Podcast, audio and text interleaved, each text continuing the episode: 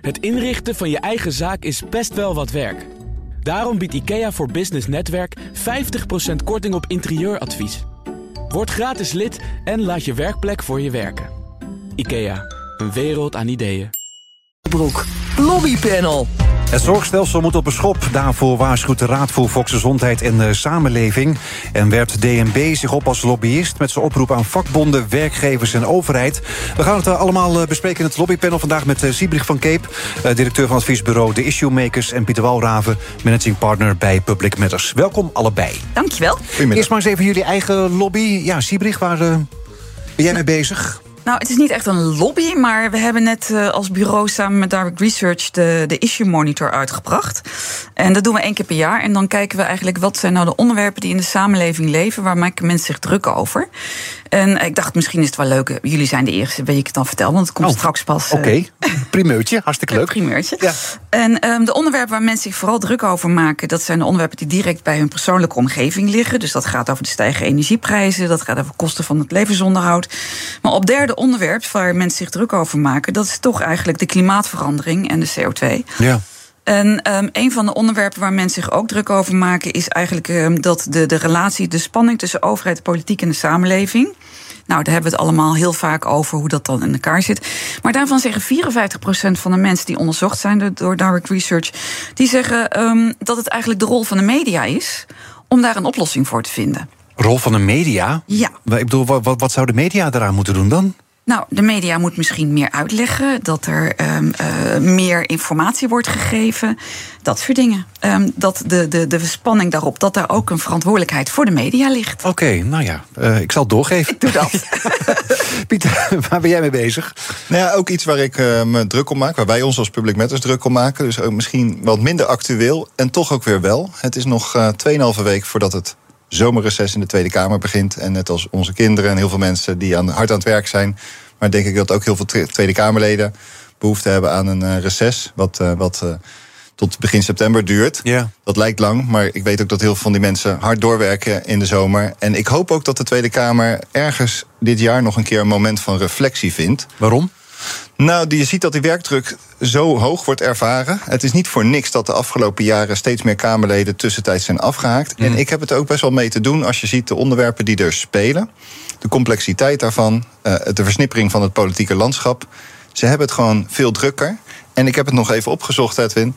Um, in 1956 zijn we van 100 naar 150 Kamerleden gegaan. We hadden toen in Nederland 10,8 miljoen inwoners. We zijn inmiddels met 17 miljoen inwoners. En relatief gezien, ook in Europa, hebben wij een van de minste aantal Kamerleden per uh, inwoners. Dus, dus, dus je vindt eigenlijk dat er meer Kamerleden zouden moeten komen, omdat, zodat de werkdruk een beetje minder wordt? De werkdruk wordt minder, maar ook het, wat, heet, wat is de naam van een Kamerlid? Volksvertegenwoordiger. Mhm. Mm -hmm. En in Nederland staat er volgens mij één Kamerlid voor volgens mij bijna 200.000 mensen. Ja.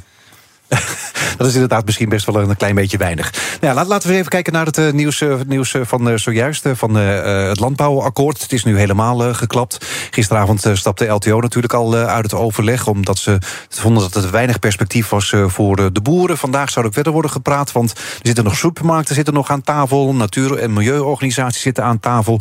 Provincies zitten aan tafel. En nu gaat het dus helemaal niet meer door. Ze hebben allemaal de stekker eruit getrokken. Was het een goede zet van LTO om uh, gisteren te zeggen zo van uh, we houden ermee op? Ja, ik denk dat LTO um, uh, van de tak zelf besloten heeft dat het niet anders meer kon. Er waren natuurlijk al Farmers Defence Force en Agractie waren er al uitgestapt. Die waren al heel lang weg, ja. Precies. En um, uh, op een gegeven moment moest hij natuurlijk ook kijken in hoeverre hij zijn eigen achterban er nog uh, bij kon houden. En op het moment dat er een overleg was gesloten, was er nog maar de vraag of het hem zou lukken om het ook vervolgens in het LTO het helemaal rond te krijgen. Omdat zet LTO nog wel voor het zuidelijke gedeelte van Nederland heel kritisch en nog wel echt een extra scherp standpunt had. Um, dus hij zal ongetwijfeld een goede reden hebben gehad om te zeggen dat hij er, dat hij er geen geloof meer in had. Ik vind het wel ontzettend jammer, ja. moet ik wel eerlijk zeggen. Want maar maar de afgelopen een... tijd uh, las je ook wel in kranten en zo... dat uh, vanuit het kabinet werd dan gezegd van... LTO durft niet te springen. Het is natuurlijk ook best ingewikkeld. Hè? Een boer is natuurlijk ook een hele diverse groep. Ik bedoel, er zijn diverse heel, achterban. Diverse achterban, inderdaad. Ja. De, de, de, nou ja, je hebt wat hardere actievoerders en wat gematigder, zeg maar ook. Ik bedoel, als je dan als LTO ook ergens mee akkoord gaat... En, en als later dan blijkt dat de helft van de achterbanden toch uh, niet zo fijn vindt? Ik denk dat ze ook een inschatting hebben gemaakt uh, in... Kijk, je staat natuurlijk wel buitenspel. Je loopt ja. het risico dat dit kabinet doorgaat... en dat Nou er ja. regels worden gemaakt en dat je niet meer aan tafel zit. Dat heeft minister Adema ook al gezegd. Hè? Het kabinet neemt nu zelf maatregelen omdat er geen landbouwakkoord is. Ja, maar ik denk dat Van de Tak als politicus zijnde ook wel inschat... in hoeverre zijn die maatregelen die het kabinet neemt... in hoeverre gaat dit kabinet dat ook daadwerkelijk realiseren. Ja, want aan de ene kant kan je dus zeggen van ze zetten zichzelf buitenspel. Aan de andere kant, het CDA wil nog onderhandelen over het stikstofbeleid. En als het kabinet valt, dan hebben ze misschien te maken met de BBB en dan ligt alles weer anders. Ja, dan ligt alles weer open. En misschien gokt LTO daarop. En ook afwachten wat er in de provincies gebeurt natuurlijk. Hè. We hebben al in, in Limburg en Brabant zie je al dat BBB daarin uh, redelijk scherpe standpunten inneemt ten aanzien van het akkoord en stikstof. En dat de CDA daar ook in meegaat. Dus dan is ook de, de verwachting en misschien de calculatie van ja, um, het CDA moet nog zijn standpunt bepalen uh, en nog naar buiten brengen. Dus dat hij daar misschien ook gewoon duidelijke calculatie heeft gemaakt. Het is in ieder geval hens aan dek voor lobbyisten in Nederland. Omdat ja. iedereen er rekening mee houdt dat het kabinet echt wel wat eerder gaat vallen. Ja, dat, dus dat is eigenlijk al onder lobbyisten. De, dan... Zeker, zeker. Ja, daar bereid je al op voor. Ik zie ook ministeries denken daar ook al over na. Voor de zomer, na de zomer. Dat vind ik lastig om te zeggen. Maar zo uh, rond de zomer. Ja, het is nog maar een paar weken. Ja. Maar dat, mensen, dat iedereen die met belangenbehartiging bezig is... rekening houdt met dat dit kabinet eerder valt... en daar ook de voorbereidingen voor treft, dat is zeker. Dat zingt ja. al een beetje rond over. Ja, absoluut. Ja. En dan ben je eigenlijk al bezig met een volgend kabinet ook. Ja, en dat is zonder meer natuurlijk goed. Hè? Want je weet gewoon, uh, voordat je iets op de agenda hebt... van politiek en overheid... moet je gewoon bij de verkiezingsprogramma's... moet je ruim van tevoren beginnen... Maar ja, nu de spanning zo hoog oploopt en iedereen er toch vanuit gaat dat het waarschijnlijk wel eerder gaat vallen. Zo, ja, ik schat eerlijk gezegd ergens einde zomer. Um, dan heb je gewoon wel uh, je voorbereidingstijd nodig. Ja. Dus het is nu hard, uh, hard buffelen. Maar ja, in dat, in dat licht zou je dus kunnen zeggen dat het nog een goede zet is geweest van LTO om eruit te stappen, misschien ja, wel. De tijd zal het leren. Wat wel zo is, is dat veel politieke partijen zijn al aan het werven, zijn aan het scouten, ja. uh, zijn de verkiezingsprogramma-commissies worden gevormd. Dus ook die politieke partijen zijn zich al aan het voorbereiden op een volgende formatie. Heel Den Haag is er al mee bezig. Nou ja, goed. De Nederlandse Bank dan. Ja. Die uh, roept werkgevers op tot beheerste winstgroei. En uh, tegelijkertijd blijven ze vakbonden op het hart drukken om de looneisen te matigen. Dat zei DNB-directeur Olaf Slijpen afgelopen maandag. Ja, beheerste winstgroei, Siebrich. Wat bedoelt u daarmee? Ja, de spiraal zoals hij het noemde. De, de opwaartse spiraal van steeds maar weer stijgende loonkosten.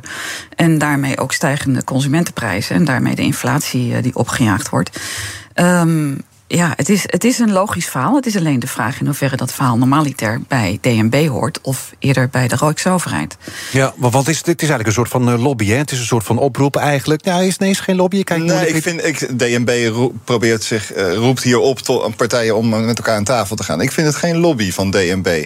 Het deed mij een beetje denken aan het akkoord van Wassenaar. En ik moet bekennen dat... Dat is wel heel lang geleden, hè? Was in de jaren tachtig was dat. Ik was zelf toen twee jaar, dus ik kan het niet uit eigen herinneringen halen. Maar ik heb er wel veel over gelezen. Dat, ja. dat dat er een aantal. Uh, dat ook de situatie deels verge, uh, vergelijkbaar was met hoge inflatie. Want, ja, je moet even uitleggen: akkoord van Wassenaar. Toen is Waar een akkoord gesloten over loonmatiging. Hè? Over loonmatiging afspraken ja. hebben gemaakt. Uh, en je ziet een aantal. Ik denk dat een DNB hoopt dat er een nieuw akkoord van Wassenaar gesloten kan worden. Ik merkte ook in de uitspraken: we moeten een sociaal conflictmodel, daar moeten we uit. Um, ja, dus want wat inderdaad, erg inflatie, dat werd mm -hmm. per definitie werd dat niet genoemd, want ja. dat is dan polariserend, zeg maar. Dus daar wilden die weg blijven. Ja, dat bemoeilijkt wel de gesprekken. Dus ik heb het ja. idee dat DNB eigenlijk hoopt dat partijen nader tot elkaar komen en misschien in staat zijn om een akkoord van Wassenaar te sluiten, of een nieuw akkoord van Wassenaar.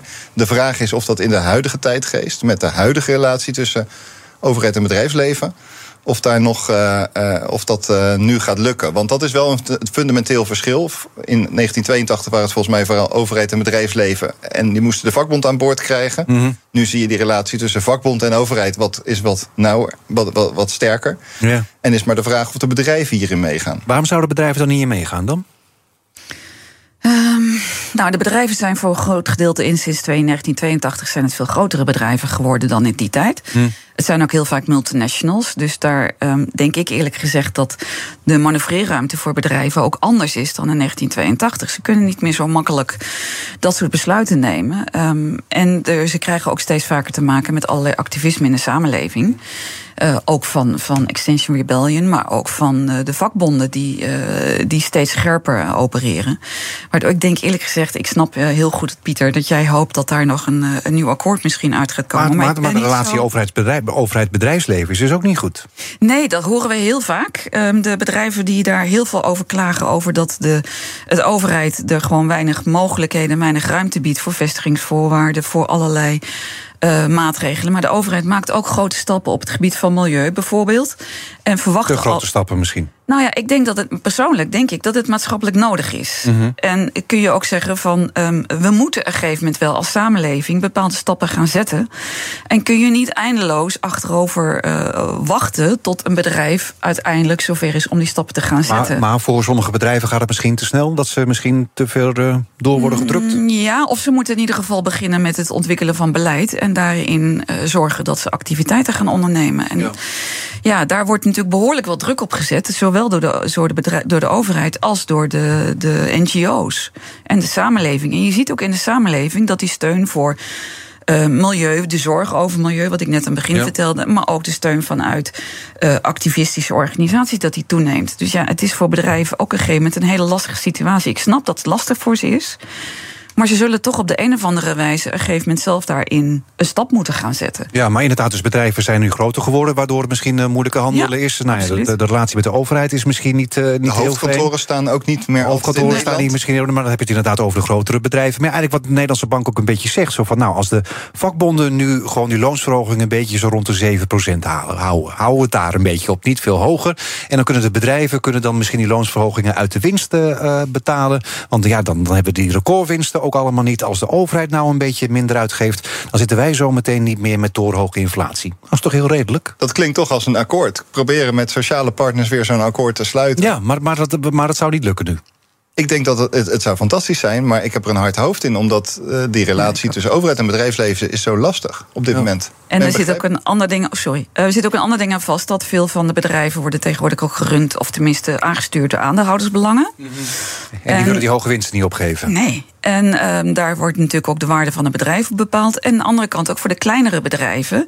Ja, zeker het MKB, die zitten er niet op te wachten. En die kunnen dat ook vaak helemaal niet. Om hun uh, winsten, om die, uh, dat, dat is het, het, salaris van de ondernemer, om daar dan uit dus de betalen van de, van de salarissen. Dat gaat gewoon vaak niet lukken. nee, je, je, moet, je moet zeg maar een groot verschil maken tussen de grote multinationals, inderdaad, die Precies. het misschien wel uit de winst zouden kunnen betalen, en de winkelier om de hoek die daar misschien moeite mee heeft. Nou, en dat is precies de beeldvorming. Wat wij lezen dagelijks zijn de cijfers van grote multinationals mm -hmm. en de winsten. En dat zijn vaak in, ja, dat is een beetje de wet van de grote getallen. Dus die maken vaak veel indruk. Maar wat we niet zien, zijn de veel beperktere winsten. En overigens ook de fors gestegen loonkosten, waar we het volgens mij ook nog over gaan hebben. Ja, ja, ja. Die juist de winkeliers op de hoek zien. Ja. Nou, nog één ding dan inderdaad over DNB. Onze macro-econoom Edin Mujakic die uh, zei gisteren in dit programma het volgende. Uit zo'n oproep komt ook naar voren het beeld dat die hoge inflatie eigenlijk een beetje de schuld is van die vakbonden, van die werkgevers, van de overheid. Eigenlijk alles en iedereen behalve de centrale bank zelf. En hoe kijken jullie daar uh, tegenaan? Want ja, Edin vindt dan eigenlijk van de centrale bank is uh, de ECB dan is veel te laat begonnen met het verhogen van de rente, met het bestrijden van de inflatie. En nu moeten eigenlijk overheid, vakbonden en werkgevers het maar oplossen. Nou, dat vind ik wel te kort door de bocht. Want die inflatie is natuurlijk ook veroorzaakt door een aantal andere externe factoren waar de centrale bank ook geen invloed op nou, heeft. Nou ja, de, de, de inflatie was al aan het stijgen en heeft door de oorlog in Oekraïne een boost gekregen, maar het was al bezig. Ja, dat klopt. Ja. Dat klopt. Daar, ja. daar heeft hij een punt. Ja, absoluut een punt. Ja. Ja, het ook. zou inderdaad goed zijn om ook naar jezelf te kijken, naar je eigen verantwoordelijkheid. En vooral ook te kijken, wat kunnen we er nu zelf nog aan doen? En niet alleen maar te verwachten dat anderen wat doen. BNR Nieuwsradio. Zaken doen. Edwin Mooibroek. We zitten midden in het lobbypanel vandaag met uh, Siebrich van Keep en uh, Pieter Walraven. Ja, heb dat al even genoemd. Bij winkeliers in de mode, wonen, woon, schoenen en sportbranche staan de inkomsten onder druk. Um, de verwachtingen voor de komende kwartalen zijn niet heel veel beter. Maar branchevereniging in retail die heeft een oplossing, namelijk inderdaad verlaag die werkgeverslasten. Goed idee? Ja. Ik begrijp wel waar het vandaan komt, ook op dit moment. Eh, ik denk dat het met het oog is op de komende begroting. Dat, het, dat Jan Meerman dit uh, nu heeft geroepen. Dat van In Retail, ja? Ja, dat Jan Meerman van In Retail dat nu heeft geroepen. Die werkgeverslasten zijn al fors hoog. En ik denk wat uh, in retail, wat er in retail ook heeft gezegd, is met die WW-premies, vergeleken met de werkgelegenheid die er op dit of de werkloosheid die er op dit moment is, zijn die WP-premies relatief hoog. Dus we zijn eigenlijk met z'n allen een pot aan het vormen waar we geen gebruik van maken. En nee, maar misschien wel de winkeliers daar hebben. Maar zometeen verslechterde tijden. Kijk, die WW-pot is er natuurlijk. Zometeen gaat het misschien economisch slechter. En moet er weer heel veel worden uitgekeerd uit die WW-pot. En dan is er misschien weer te weinig. Ja, daar heb je het argument om het niet te doen. Ik denk dat dat ook een heel valide argument is. Want dat is inderdaad voor straks in slechtere tijden. Maar ik begrijp wel de positie van die winkeliers. Want die zitten al in een moeilijke positie. Het is een sector die moeite heeft om mensen te vinden. Uh, die sector uh, uh, zit al in een moeilijke positie ook ten aanzien van de opkomst van e-commerce. Uh, veel ondernemers hebben nog te maken met de corona. Uh, de, de, met inderdaad uitgestelde belastingen uitgestelde en NOW-geld misschien terugbetalen. Ja, dus ik snap wel dat juist deze sector die pijn op dit moment heel erg voelt. Ja, Siebrich? Ja, daar ben ik het helemaal mee eens. Ik denk dat veel bedrijven die combinatie van de NOW en het belastingverlaging of het belastinguitstel die even achterwege bleef, tenminste de belasting niet hoeft te betalen, dat dat gewoon voor veel mensen een combinatie is waar het lastig maakt. En inderdaad de hogere salarissen. Het is ook in belang van de gemeente en de leefbaarheid van veel gemeenten om te zorgen dat die winkels er wel blijven. Mm en dat er allerlei mogelijke manieren worden gezocht om, om, om, te, om te zorgen dat die, leef, die winkels leefbaar dat die kunnen blijven bestaan. En misschien kunnen gemeenten daarin nog wat het een en ander gaan betekenen om, om daar uh, die bedrijven gewoon tegemoet te komen met uh, verlaging van precario-belasting of met andere, andere gekke belastingen die ze nog extra moeten betalen. Of mogelijkheden van meer uh, combinatie van, van uh, dienstverlening mogelijk maken en dergelijke. Alles wat maar enigszins gaat helpen. Want deze winkeliers zijn wel ontzettend belangrijk. En het is doodzonde als ze op een gegeven moment zouden verdwijnen. En misschien dat ook, ja, ook ten aanzien van de WW, zou het misschien ook een mogelijkheid zijn, ik weet niet of het kan, maar um, om, om aan de minister van Financiën te vragen om een tijdelijke verlaging van die WW-premie. Maar dan alleen, maar alleen voor in retail of voor iedereen? Ja, in ieder geval in de eerste instantie voor in retail om daar een maatwerk voor te maken. Ja, maar waarom zou je een uitzondering maken voor hun? Ja, dat is wel lastig, want we zijn volgens mij van die sectorale WW af. Volgens mij was dat er vroeger een onderscheid tussen sectoren en daar wil je volgens mij niet naar terug. Uh, volgens mij is dat onderscheid nu gemaakt tussen vaste en tijdelijke contracten. Mm -hmm. Uh, en voor vaste contracten is volgens mij die WW-premie lager. Het zou aantrekkelijker moeten zijn voor winkeliers om juist meer mensen op vast contract te hebben. Dan ja. betalen ze minder premie. Ja, maar goed, tijdens de coronaperiode hadden natuurlijk die winkeliers hadden het uh, moeilijk. Toen hebben ze natuurlijk ook schulden uh, gemaakt. Um, um, uitstel van belastingen. Maar als ze dat zo meteen misschien hebben afbetaald, wordt het leven misschien weer wat makkelijker ook. Ja, of de Rijksoverheid kan misschien kijken of ze ten aanzien van die NOW en die belastingsschuld, of dat ze daar nog een handreiking kunnen doen. Ja, dan hoef je niet de werkgeverslasten te nee. verlagen. Oké. Gaan we nog even naar de Raad voor Volksgezondheid en uh, Samenleving. Die pleit voor uh, groot onderhoud aan het zorgstelsel. Blijkt allemaal uit een adviesrapport dat gisteren werd gepubliceerd. Het huidige stelsel is volgens de Raad te rigide... en gaat te veel uit van concurrentie en individuele verantwoordelijkheid. Ja, het nieuws dat onze zorg moet veranderen is ook niet nieuw. Hè? Er wordt al heel vaak geroepen om weer een nieuw zorgstelsel. Maar wel heel goed dat dit advies er nu ligt. Volgens mij heeft de Raad voor de Volksgezondheid ook bewust gezegd waarom dat advies er ligt. En het is een ongevraagd advies met het oog om ook het debat te starten. En nou, me dunkt dat gaat denk ik ook wel gebeuren. Het is volgens mij in 2020 of 2021 is dit ook geprobeerd door uh, minister Hugo de Jonge. Die heeft daar toen ook uh, zorg voor de toekomst, volgens mij, als een dergelijk discussiestuk. Uh, en dat heeft toen nooit zo heel erg geleid tot echt veel discussie. Want we zaten natuurlijk midden in corona. Ja. En we wilden toen niet te veel rommelen in zorg hebben. Nee, misschien dat. ik denk dat dit keer het wel een terecht stuk is wat de discussie gaat, gaat losmaken. En de ACM heeft zich vanochtend al uitgesproken hierover. Die heeft gezegd: ja, we gaan niet zomaar mededingingsregels aanpassen voor de aanpassing van dit stelsel. Ja. Dus die is daar kritisch op. Over dus er wordt al over gesproken, inderdaad. Ja, ja, het is nog maar gisteren gelanceerd. Dus je denkt dat dit rapport wel iets gaat doen? Gaat doen. Uh, Siebrich, wat zou jij graag veranderd zien in het stelsel? Oh. Heb je even? Um, nee, er zijn nou, van allerlei ja. dingen. We hebben natuurlijk een tekort aan mensen en een te hoge werkdruk. Ja. En, um, en daar zit eigenlijk telkens ook het spanningsveld van aan de ene kant kunnen we alles betalen. En moeten we alle zorg blijven aanbieden? En uh, dat, dat is op een gegeven moment ook niet meer mogelijk. Zorgverzekeraars hebben een paar jaar geleden al voor gewaarschuwd dat een te grote belasting gaat worden voor de, voor de salarisstrookjes. Maar ook dat we te veel mensen op een gegeven moment nodig hebben. Straks hebben we in 2040 hebben we één op de vier mensen nodig om in de zorg te werken. In plaats van wat nu 1 in de 6 is. Nou, dat, dat is ook al niet haalbaar. En veel meer mensen zullen gebruik maken van de zorg. Want uh, ja, de vergrijzing moet nog. Uh... Precies. Dus de, de, de kans om met een. Uh, en dat vind ik het lastige van dit rapport. Want de WRR heeft voor een twee jaar geleden ook al een rapport uitgebracht. En komt in september met een nieuw rapport. Ook weer over de zorg.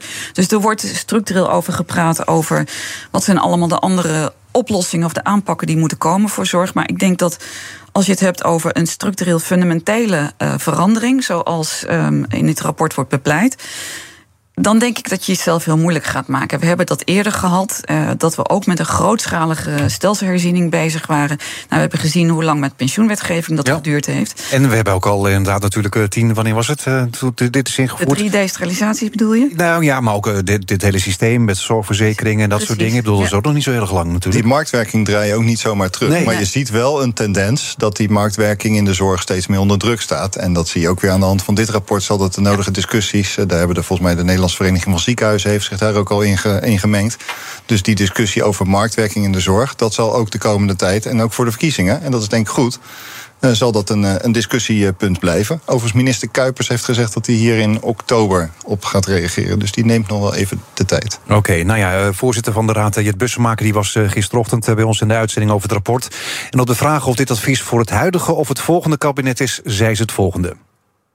Uh, voor, het, uh, voor het volgende kabinet. Uh, graag willen wij natuurlijk dat het huidige kabinet er ook al mee aan de slag ga, gaat. Maar we zien ook dat er al veel gebeurt met het integraal zorgakkoord om de zorg anders te organiseren.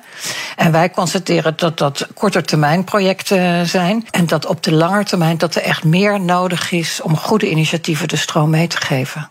Ja, advies is dus bedoeld uh, voor het uh, volgende kabinet. Hoe moet je dit nou uitleggen? Houdt ook zij er al rekening mee dat dit kabinet uh, binnenkort valt? Of is dit van we gaan nu alvast een discussie openen? Nee, dat is gewoon qua timing is ja. dit uitstekend. Het is ruim voor de verkiezingen. Dus dat geeft ook nog veel ruimte voor een, voor een debat. en ik denk dat dat heel goed is. En dat ja? staat ook niet in het huidige regeerakkoord. Dus gaat de huidige regering met alle problemen die ze op dit moment al hebben, gaan zich daar niet nu verder op richten.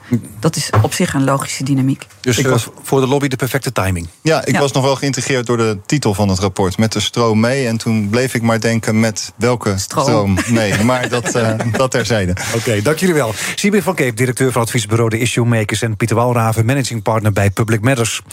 Dit panel is ook te beluisteren als podcast. Abonneer je vooral even via je favoriete kanaal of via de BNR-app. En zometeen alles over de aanstaande AI-wetgeving vanuit Brussel.